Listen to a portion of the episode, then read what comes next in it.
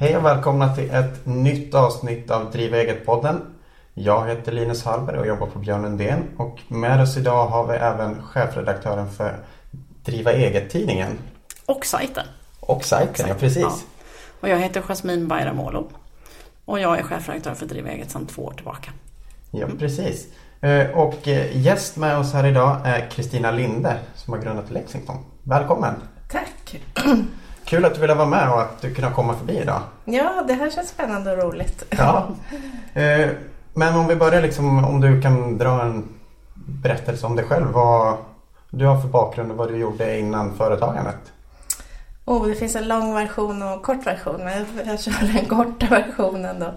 Ehm, jag är uppväxt i, i Nyköping, en liten stad som ligger 10 mil söder om Stockholm. Jag flyttade till Stockholm när jag började studera och jag blev lärare. Mer blev ska jag säga än att det var ett val för att det var lite så att man hade liksom ett par yrken att välja mellan egentligen. Eh, som det såg ut då när man kom från en familj där det var självklart att man skulle studera. Det var liksom viktigt att man hade ett bra jobb. Mm. Så jag blev lärare. Och fattade väl inte egentligen förrän jag kom till Stockholm då och pluggade på universitetet och så att jag såg att man faktiskt kunde eh, jobba med det som man tyckte var kul och som man hade som just som vi ska prata passion, som vi ska prata om idag, ja. för. Eh, och inte bara liksom ha ett bra jobb och sen göra det på sin fritid.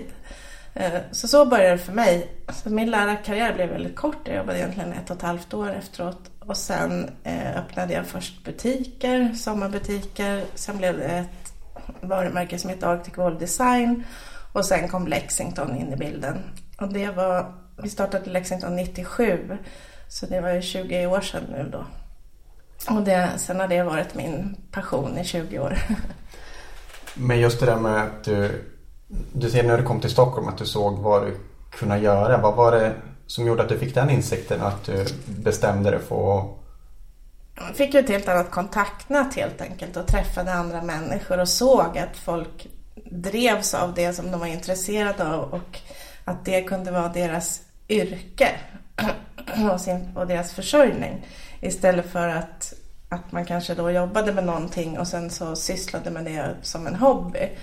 Och jag hade nog inte riktigt förstått det. Det låter kanske konstigt idag men så var det ganska mycket då. Men för där kommer vi in på det som vi hade lite som tema för det här samtalet, att vi skulle prata om att göra business av sin passion. Mm. Och det här kommer vi ha ett större tema om i det nummer av Driv som ligger ute i samband med att vi sänder det här avsnittet. Eh, det är ju lite, det är lite speciellt att göra, att gå från det, det största fritidsintresset till att verkligen göra företag av det. Var du liksom tveksam någon gång där på eh, om det skulle gå?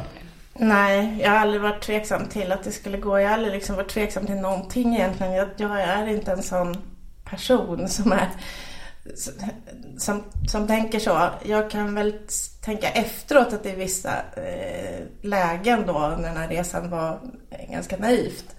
Och att man kanske skulle ha tänkt lite mer på olika saker med risk och så. Och särskilt när jag fick familj sen och barn. Och, och min man eh, valde, eller jag övertalade honom att kliva av sitt, liksom, sitt, sitt jobb då och komma till bolaget för att vi skulle kunna, kunna växa det ännu starkare det är klart att jag skulle kunna tänka på vad som skulle kunna hänt då. Eh, om det hade gått dåligt. Men, Men jag tänker det? inte så. Jag har aldrig gjort det. Jag tror att jag inte har den genen helt enkelt. det låter helt underbart.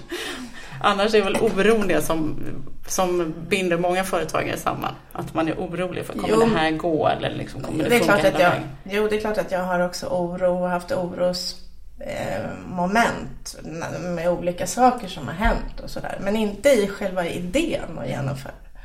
För det tänker jag också just det, när man oron just kring om det ska gå bra eller dåligt kan vara en sak men sen även att behålla intresset när man går in på sin ja, men, hobby och det man tycker är så roligt att ha på fritiden. Gå in med det helhjärtat och ska köra. Att man kanske tappar den gnistan på något vis. Nej, det så har det aldrig varit för mig. Utan mig, för mig har det mer varit situationer som händer under ett företagande. Man kommer ju i, såklart i lägen där det är, man har eh, svårt med likviditeten eller det är någon, något, något problem med organisationen eller vad det nu kan vara som man måste lösa. Det är, det är mer då de, men det är inte en tvivel på det man håller på med utan det är något annat. För du fick med dig, som jag förstod det, så, så har du fått med dig det här intresset för just heminredning och, och ja, uttryck i, i min hemmiljö, hem, från ditt eget hem ganska mycket. Det låter som att du har fått ganska fria tyglar där också. Ja, så var det absolut. Fast det har inte jag egentligen relaterat till först långt senare när jag insåg att jag var såklart påverkad av det.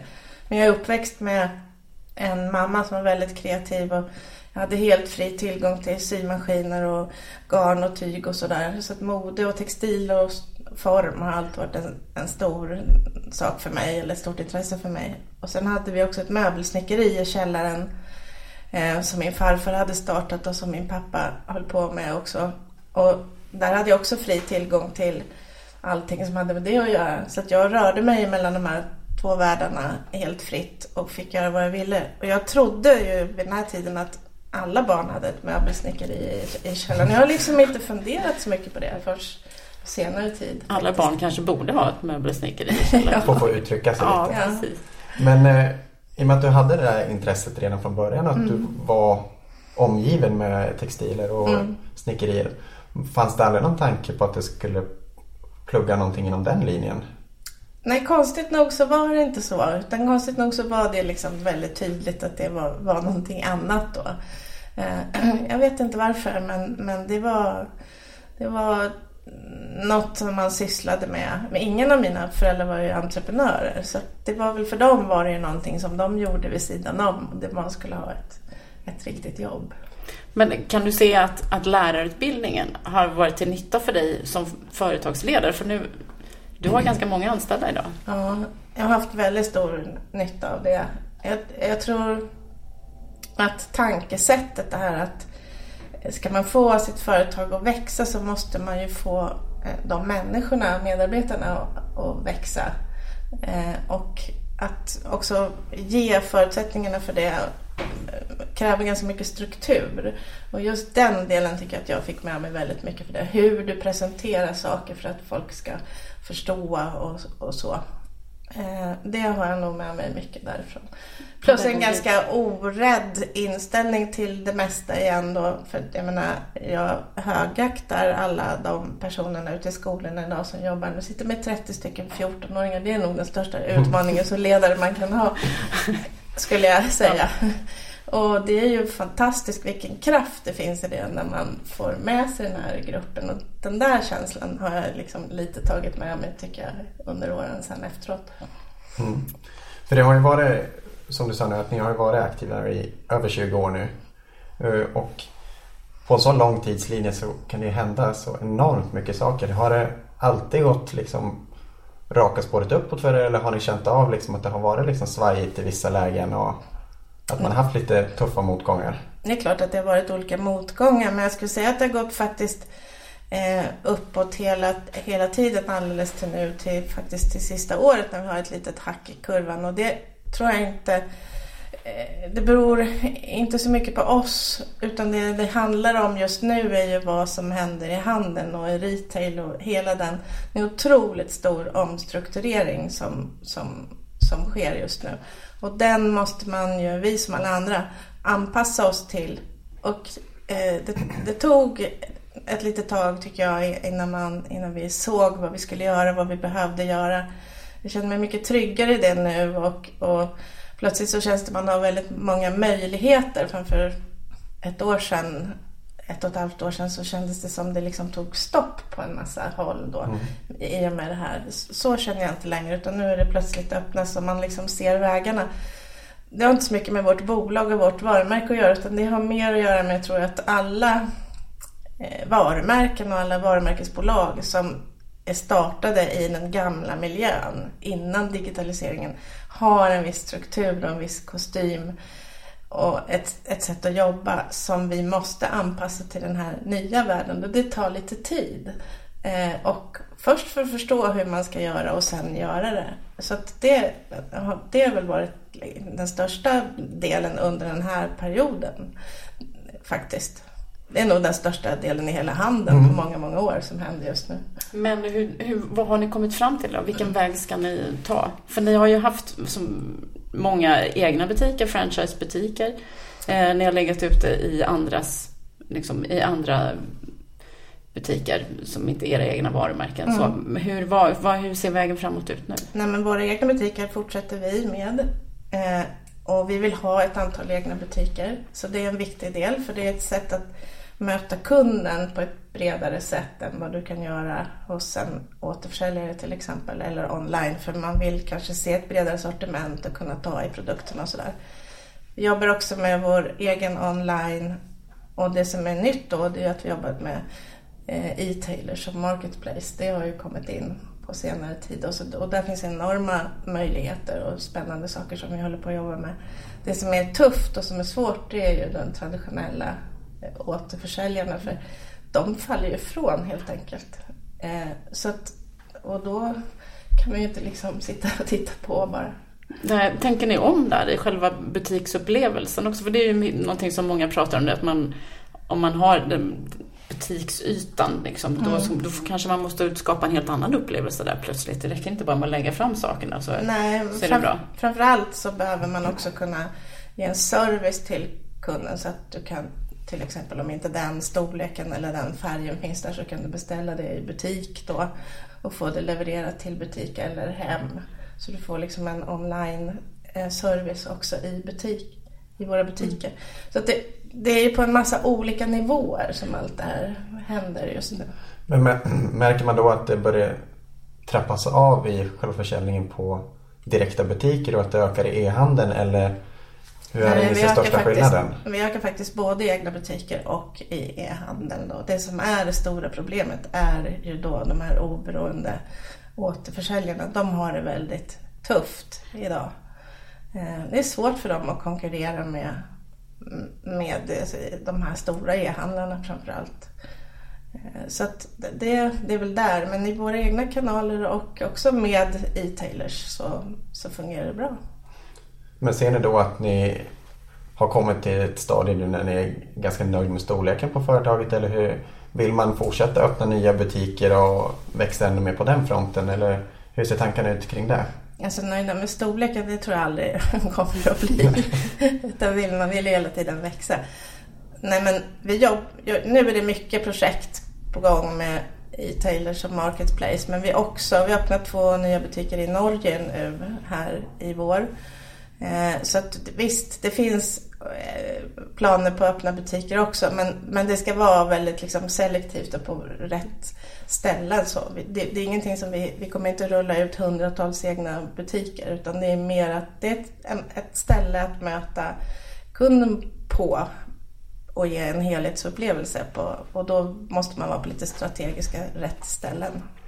Så, nu hoppar jag tillbaks lite i samtalet här men jag tänkte på när Lexington står ju liksom för en amerikansk, mycket en amerikansk stil. Mm. Eh, det var ju otroligt kaxigt tycker jag då att ni faktiskt valde att öppna en butik i USA. Liksom. Exportera deras egen, deras egen stil till amerikanerna.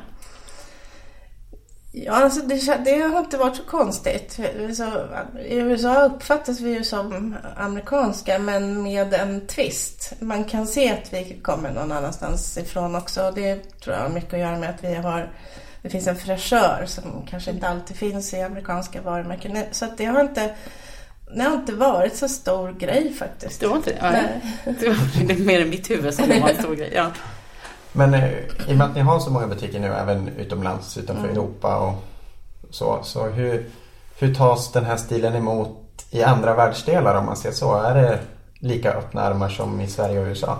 Ja, vi har ju till exempel, vi har en partner i Kina men vi har ju faktiskt 28 butiker i Kina också. Så att, eh, jag skulle säga att, och vi säljer också i några andra länder som man kanske inte tänker sig. vara kund i Libanon och sådär. Liksom. Den här stilen, både det som vi står för och vårt varumärke. Jag tror att det finns en kund egentligen överallt eh, för det. det. Det är någonting i det här som, som väldigt många människor tycker om. Det spelar liksom ingen roll vilken nationalitet du har. Hur är det, jag tänker för textil och inredning, det är ju väldigt trendkänsligt. Ehm, hur viktigt är det att hålla fast vid sin egen grej? Liksom? Och att inte bli så rädd så att man flyger iväg och, och försöker haka på. Men det är otroligt viktigt att hålla fast vid sitt koncept. Samtidigt så finns det inga träd som växer om man inte vattnar dem. Och vi har alltid, eh, det var faktiskt en av våra affärsidéer från början med inredningen tittat väldigt mycket på mode. Så även om vi har ett väldigt starkt, liksom, tydligt koncept så har det alltid innefattat för det första att vi jobbar med säsonger, vilket inte så många gör när det gäller inredning. Så vi har fyra säsonger per år. Och dels att det alltid har inkluderat saker som ligger i tiden. Och det kan vara en färg eller det kan vara eh, ett material eller, eller vad det nu är för någonting. Och det tror jag gör att ett ganska klassiskt koncept faktiskt känns modernt hela vägen för att det adderas in saker. Men jag tror, skulle man fråga en kund, vem som helst på gatan, om de skulle beskriva Lexington så skulle de beskriva oss som, som blå och vitrand.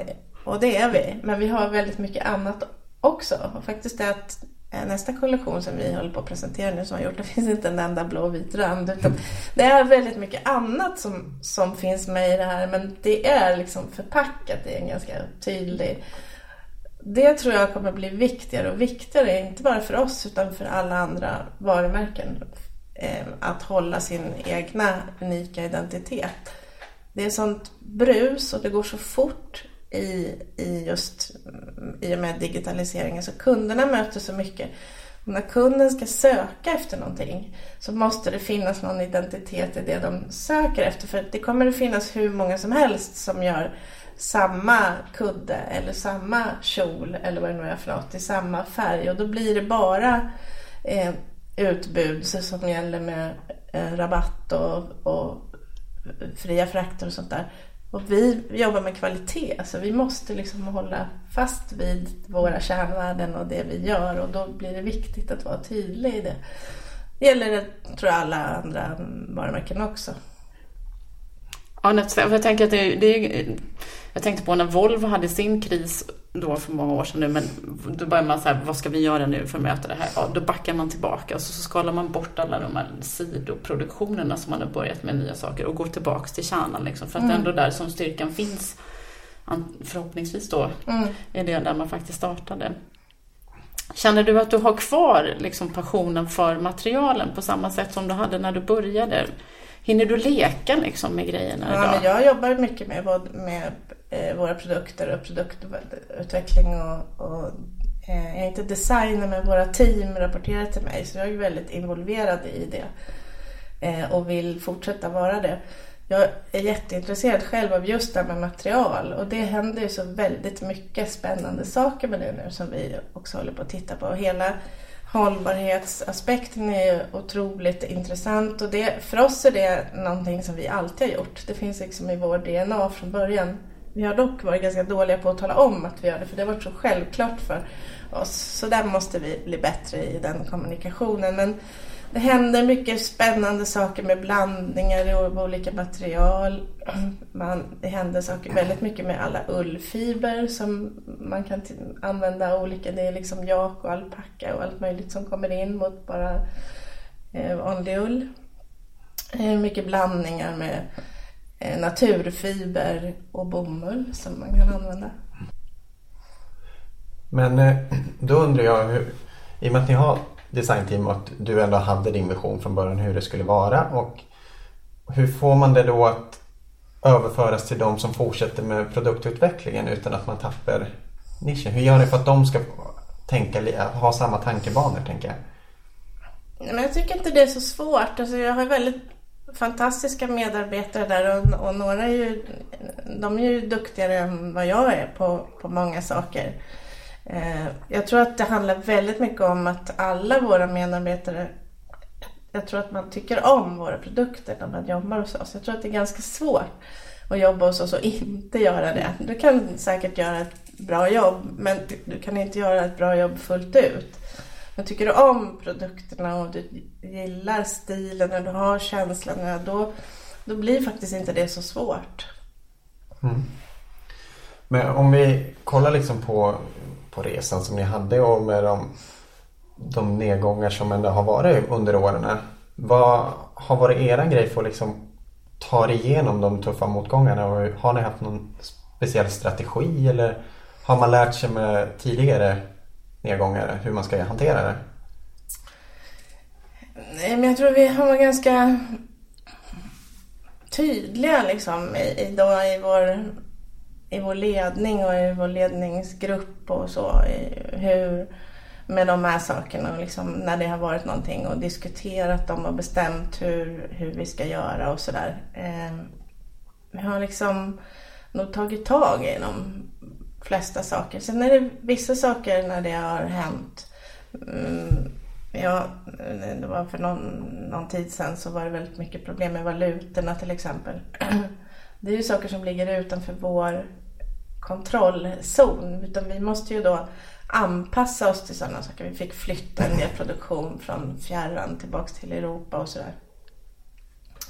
Och sådana omställningar tar ju lite tid. Du gör ju inte det på en vecka utan det, är sånt, det tar ju liksom kanske i alla fall ett halvår innan en sån sak mm. slår igenom.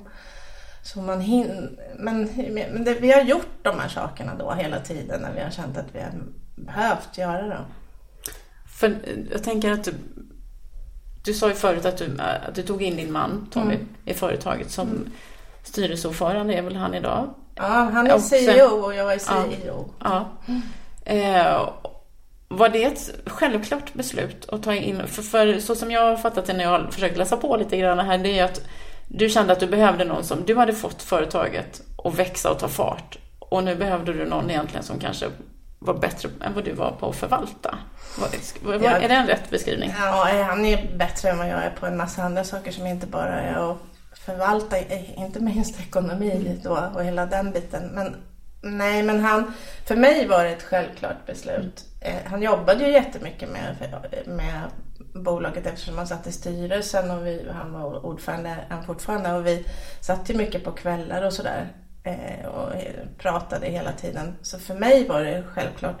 För honom var det inte riktigt lika självklart just då. Men jag, jag kände att vi kommer inte lyfta om vi inte får in en annan kompetens. Mm. Utan vi måste ha in, ha in det och så vi också får kraft liksom, i den kompetensen i de olika delarna som man behöver göra. För jag såg att det skulle gå men jag räckte inte till. Mm. Eh, och jag visste ju att han skulle räcka till. För honom var det väl, han var lite mer, funderade lite mer på risk och vad skulle hända om det inte fungerade och sådär. Plus att han han gick, fick ju gå ner i lön ganska så ordentligt i början. så det är klart det var massa ja. sådana där saker som, som påverkade. Men det var faktiskt det bästa beslutet vi har tagit. För mm. efter det så satte det riktigt fart. För vi fick en helt annan fokus på de olika områdena som vi har vår respektive kompetens i och det, man kunde koncentrera sig mycket mer.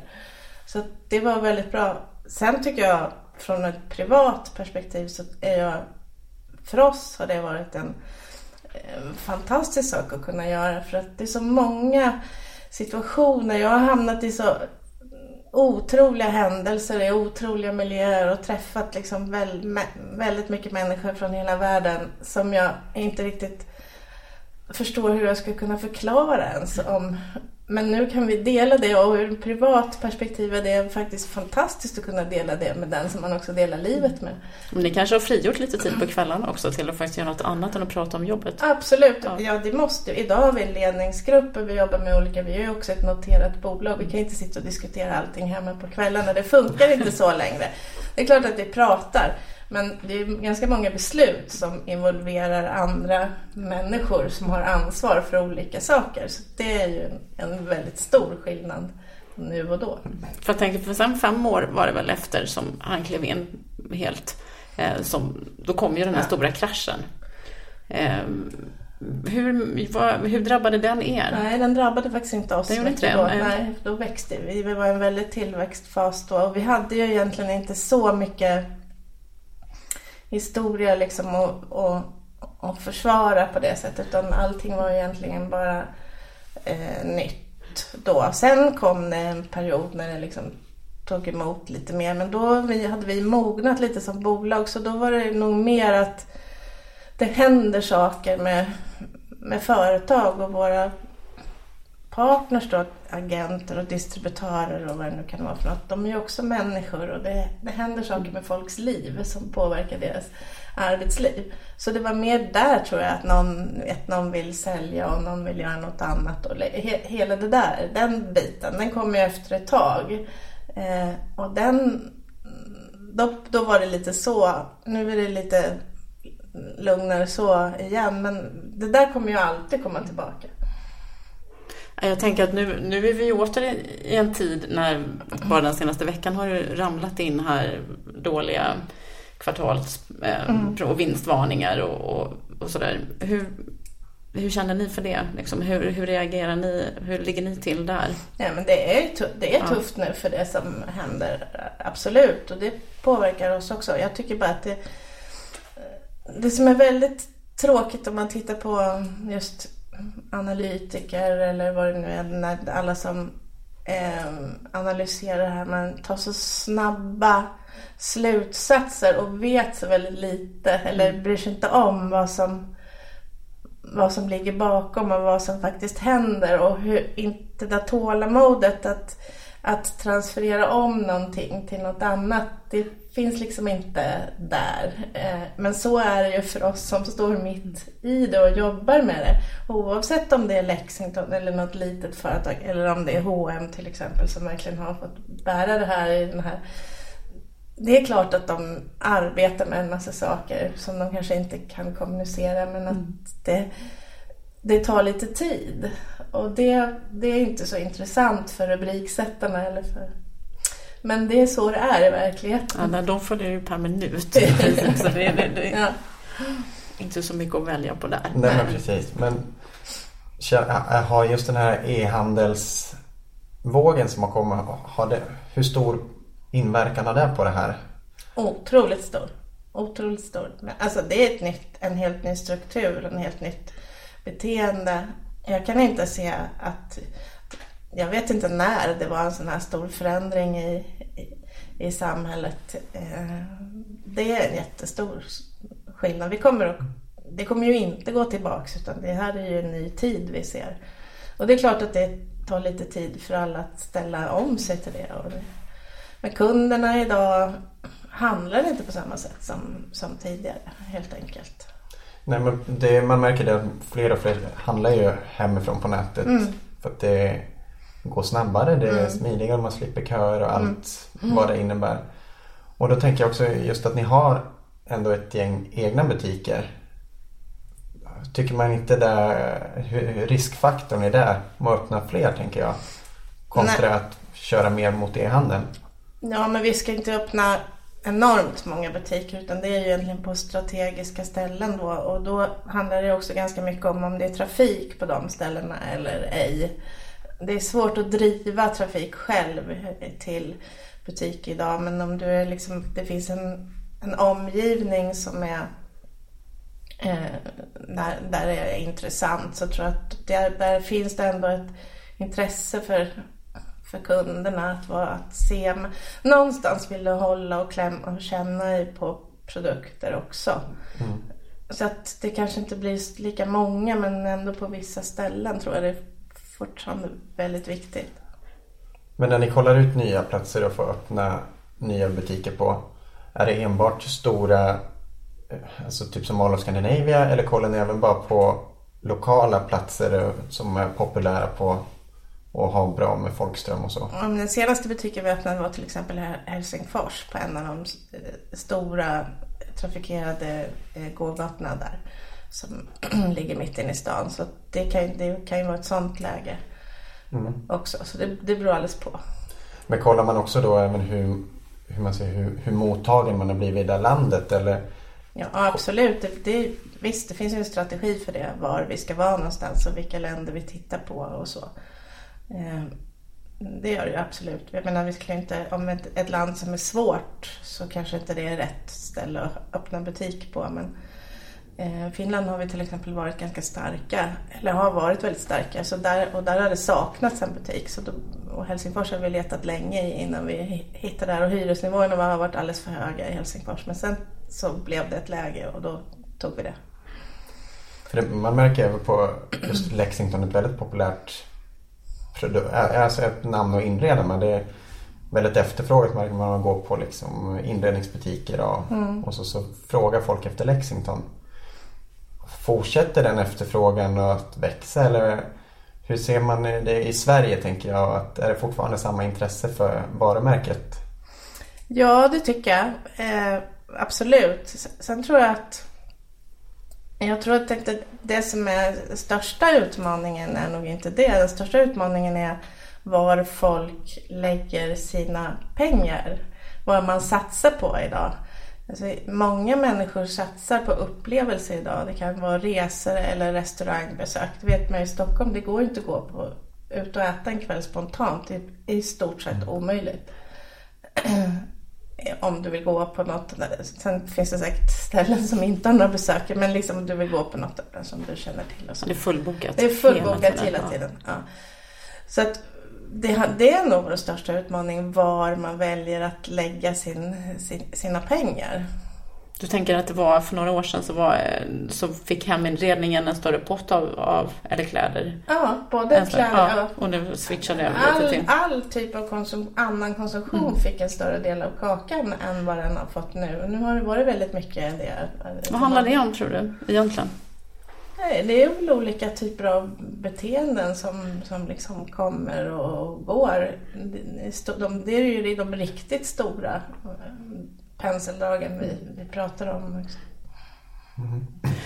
Om du tittar tillbaka på ditt företag, Eli. Det du vet nu, vad hade du velat, av det du har lärt dig under de här 20 åren, vad hade du velat veta när du startade? Oj, vilken svår fråga. Nu vet jag faktiskt inte eh, om jag har något bra svar på. Eh, jag var nog inställd på att det skulle ta väldigt mycket tid och att det skulle vara en del. Det var ju en del av livet när jag började. Mm. Det är det fortfarande. Eh, det blir liksom en livsstil. Alltså det man väl kan inte förstå i början, man tror ju hela tiden att det som man kanske inte är så bra på eller det som man inte tycker är så kul. Så att man försöker lösa det på olika sätt i sin organisation. Och då Vad har det varit till exempel? Nej men det kan ju vara, det kan ju vara att man behöver bygga upp en avdelning på, på något sätt för att få liksom mer kraft och sådär. Det, det, det är så många olika saker. Men det man tror är ju att det ska skapa en mer tid. Men det gör det ju inte. det blir ju snarare så att det är fler som ska ha en del av den liksom, tiden man har. Så man, man får inte mer tid för att man blir fler medarbetare. Man får snarare mindre tid. Det, det faktiskt. Hur har, du löst, hur har du löst den ekvationen? Den är jättesvår. Det finns en avvägning mellan att vara hur tillgänglig man vill vara och hur och det, det är liksom lite det priset man får betala. Jag har valt att vara väldigt försöker vara väldigt tillgänglig. Sen är jag ju borta för jag reser mycket och jag är mycket i USA och sådär och då, då blir det på ett annat sätt mellan mejl eh, mail och Facetime och sådär. Men när jag är på kontoret så är jag alltid tillgänglig. Och det gör ju att folk kliver in hela tiden. Men jag, jag, ja, jag tycker att det är värt det. Men det, det tar ju av ens liksom det är ju precis som man inte hade en egen agenda för varje dag, fast det har man ju. Mm. Men den får man liksom skjuta på lite hela tiden. Det kan vara svårt för att du kan tappa fokus om du är till. Det är lite priset du får betala av att vara tillgänglig. Men jag tror ändå att det är bra. Precis, för det, det verkar ändå som att du, det är en viktig del att fortfarande vara delaktig i själva produktionen och ändå ha ett litet vakande öga på vad som händer. Ja, men någon måste ha det här helikopter perspektivet. Och det är ju min roll. Den, och den är, det är väldigt viktigt. annars så spretar det iväg plötsligt. Utan, men någon måste liksom ha den här den synen och få allt att hänga ihop. Och det kan, det kan du inte riktigt begära av de som är ansvariga för de olika avdelningarna. För de har ju sitt helikopterperspektiv på sin avdelning. Men någon måste ha det på allt. Har det varit någon fas i, i det här från när du startade, för då var du själv mm. när du drog igång och sen så, liksom, så tänker jag de här växa-faserna som ni har gått igenom. Är det någon fas som har varit roligare eller svårare eller som har skilt ut sig eller är det, är det ungefär samma tugg bara att det, förstår du hur jag tänker?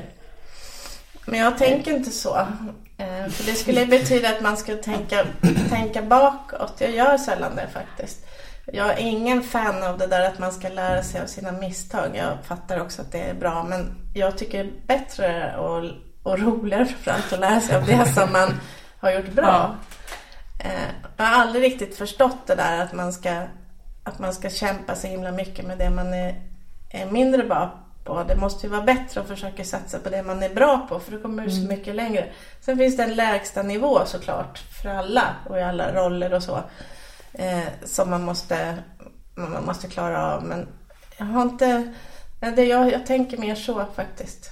Nej men det, det jag tänkte på när man, när du säger att du sitter med helikoptervin och du får med alla på ett bra sätt ändå. Hur, man måste ju känna sig ändå ganska nöjd och stolt någonstans att man har lyckats dra igång det här och fått det att växa så pass mycket. Eh, är det någonting man tänker på eller går man bara dag för dag och glider på som vanligt? Men det är klart att jag är nöjd och stolt. Jag är nöjd och stolt över vad vi gör, vad vi åstadkommit och var vi är någonstans och sådär. Men jag kommer ju inte till kontoret på morgonen och sätter mig vid bordet och tänker åh vad nöjd jag är. Liksom. Det gör man inte. Utan varje dag är ju en ny utmaning med nya saker som ska lösas och som behöver liksom eh, klaras av och så. Eh, så att det, det är väl grunden. Så det är lite svårt faktiskt att hitta den där, den där känslan. Jag vet att den är viktig, inte minst för vad du kanske signalerar då till dina, till dina medarbetare. Men äh, det vore ju jättetråkigt om de tyckte att jag bara var missnöjd hela tiden. Men det är inte det det handlar om, utan det handlar mycket mer om att man liksom vet vad man behöver göra för att komma vidare. Så de här tillfällena som kommer ibland när, att, när man kan vara eh, nöjd och stolt och glad, de blir ju ganska viktiga då att försöka liksom landa i och dela med sig av till alla och sådär. Eh, och de, de kommer ju emellanåt. Det är klart att, att, att jag känner så då. Men jag, inte varje dag på morgonen tyvärr. Jag läste någonstans att du är bra på att sätta mål. Ja. Hur gör du? Vilka situationer sätter du mål? men jag gör nog det med allt. Jag tror, jag tror att det har mer att göra med... Jag kanske inte kvantifierar dem så mycket som de många gör. Eller så, utan det är, mer, det är mer målbilder för mig. Att jag egentligen ser på något sätt vad, där vi ska vara eller vad vi ska göra eller så. Och så tycker jag att det är jobbigt när det är för långt emellan eller för krokigt eller så. Eh, vi hade en diskussion i morse när jag sa, ja men nu måste vi göra Ja, men vi måste tänka efter först vad vi behöver göra. Så. Nej, men det har vi ju redan gjort. Nej, det har vi inte. Vi måste liksom, vad händer om vi tar det beslutet och det beslutet? Och där är jag mer där, ja men det har vi ju redan gjort. Kan vi inte börja köra nu? Då är det ganska bråttom. Man är några det är inte alltid det är jättebra. Är det du och Tommy där ja, i det här fallet ja, var det det. växeldrar liksom. Någon håller emot och någon gasar på. Ja, ja. jag tycker då att, ja men kan vi inte bara göra det där? Nej, men det kan ju ha de och de konsekvenserna. Okej. Okay. Det är inte alltid så. Det kan vara tvärtom också när vi pratar om det.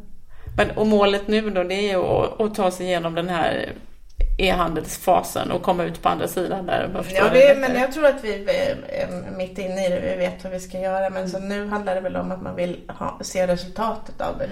Mm.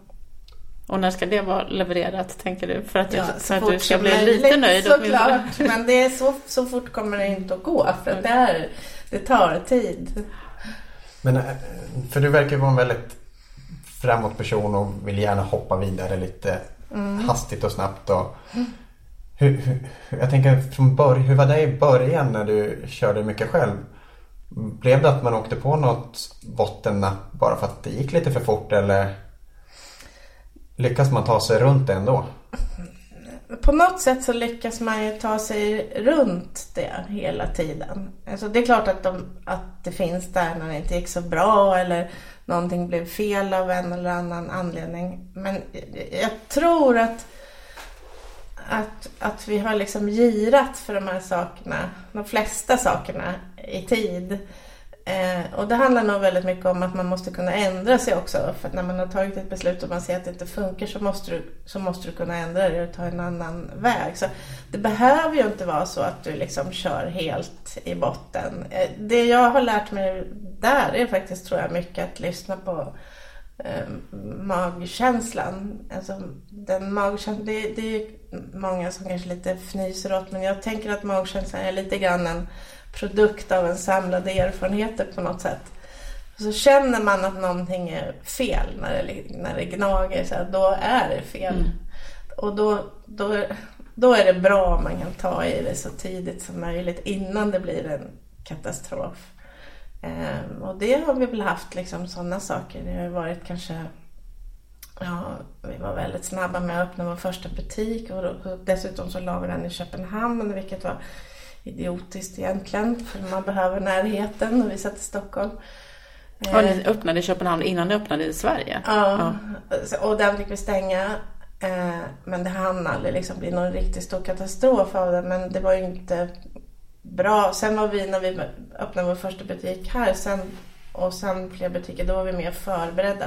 Det var mer det som låg bakom som inte var ordentligt förberedda. Ni kanske lärde er av ett misstag?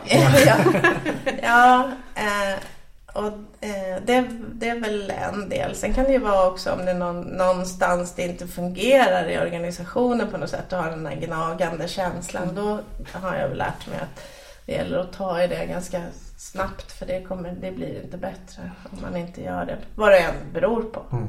Men vad var det ni lärde er av när ni öppnade Köpenhamn? Vad var det ni inte hade gjort tillräckligt bra om man säger så? Det var det som ligger, vi, vi öppnade en jättefin butik på ett varuhus som heter Illum. Inte Illum Bolus, där vi har vi alltid haft, utan Illum. Eh, och eh, alltså den var så fantastiskt fin ut och det var liksom, allting var ju väldigt bra. Men vi hade inte rutinerna för det som ligger bakom för att driva en butik. Det krävs ganska mycket olika saker bakom för att få allt att fungera. Och det hade vi inte. Eh, så där var vi liksom så himla oproffsiga. Jag trodde att vi skulle bara klara det. Men det, det blev svårt. Eh, och sen, eh, det är mycket som ska till. Det ska ju leveranser och det ska ju skyltas om och det ska mörsas och det, ska, det är massa saker som måste liksom fungera. Det ska personal, personal från något annat håll. Um, så sen var vi mycket mer beredda när vi, när vi öppnade sen. Vår första butik var på Birger i Stockholm. Men hur kom det sig att ni öppnade i Köpenhamn innan ni började i Sverige? Men det var nog jag som hade den här bilden. jag tyckte det var perfekt. Liksom. Ja, men för du hade ju bilden att du skulle utomlands. Den hade ja, du från början. Ja, och sen så tyckte jag att det var, att det var, liksom, det var lite internationellt. Det var närmare kontinenten. Det var liksom bra eh, omgivning i det där huset och så. Sen visade det sig att det inte blev så för att plötsligt så slängde de ut alla och det blev ganska mycket lågpris runt omkring och så. Och det, det var, det, men det var en egen historia. Det var ett av de där snabba besluten. Det var lite snabbt. Utan handbromsen där. Ja. Mm. Men eh, om vi ska försöka summera ihop det här. Ja, jag, jag tänkte höra om du kunde ge några sådana här den här klassiska tipsrutan med driva eget som vi alltid brukar ha. Här, har du några tips till de som, som står i begrepp att göra, försöka göra samma resa som du, alltså som har som har ett jättestarkt eget fritidsintresse eller någonting som man verkligen brinner för och om man vill göra business av det, vad ska man, vad ska man tänka på? Det absolut första det är att göra det. Mm. det alltså, jag tycker jag träffar så många människor som håller på och analyserar och tänker och planerar och liksom, då blir det ju aldrig något. Du måste göra det. Och när du gör det så är det ganska så bokstavligt. Du behöver jag kör med listor, det gör jag fortfarande. En sån här listmänniska som skriver upp och sen stryker vartefter. Och det var ju ännu mer i början. Man hade liksom tio saker man var tvungen att göra och du kanske klarade åtta den där dagen och så fick du flytta över de andra två. Det är okej. Eh, för då får du någon slags automatisk prioritering i mm. vad du behöver göra. Men se till att planera inte så himla mycket utan sätt igång. Det, det är en av de sakerna tycker jag. Sen tror jag att jag tror ändå det är viktigt att man har någon form av budget eller ekonomisk kalkyl liksom på ett ändå ganska kanske enkelt plan till att börja med. Det är ändå så att själva vitsen är för de allra, allra flesta faktiskt att man ska behöva få ihop det i slutändan. Det finns ju ja, företag som satsar väldigt mycket på tillväxt och en annan sak. Men om man tänker en kanske en mindre entreprenör så är, är det ju trots allt ganska viktigt. Och då måste du ha koll på de här, de här sakerna. Och det, det tycker jag ändå är rätt väsentligt. Ja, för vi pratade om det innan vi påbörjade poddinspelningen, mm. just vikten av att ändå ha någon slags grundförståelse för ekonomin i ett företag. Det är svårt att driva om du inte, om du inte har det. Sen, så det räcker med något ganska liksom enkelt till att börja med. Men, men så att du har kraften att, att, att köra så att säga. Men du undviker att köra diket trots allt om du har lite koll. Ja, när jag har min budget då, vad, jag, vad, vad behöver jag mer? Finns det något mer på tipslistan? Nej men för mig är det nog just det här som jag pratade om. Att skriv en lista och gör det. Och sen ring de här samtalen, gör de här sakerna. Alltså se till att det blir gjort. Och det här drivet. Eh, för mig så har det aldrig varit svårt. För det har, det har funnits där hela tiden. Och jag tror att jag är ganska lik väldigt många entreprenörer. Men har du inte det där drivet att du måste liksom kämpa för det då, då kanske du inte ska starta företag då. Utan, men har du det så kommer det när det kommer av sig själv. Mm. Jag är helt säker på. Sen tror jag en tredje sak det är att jag tror att många kan, framförallt kvinnor, kan tänka större.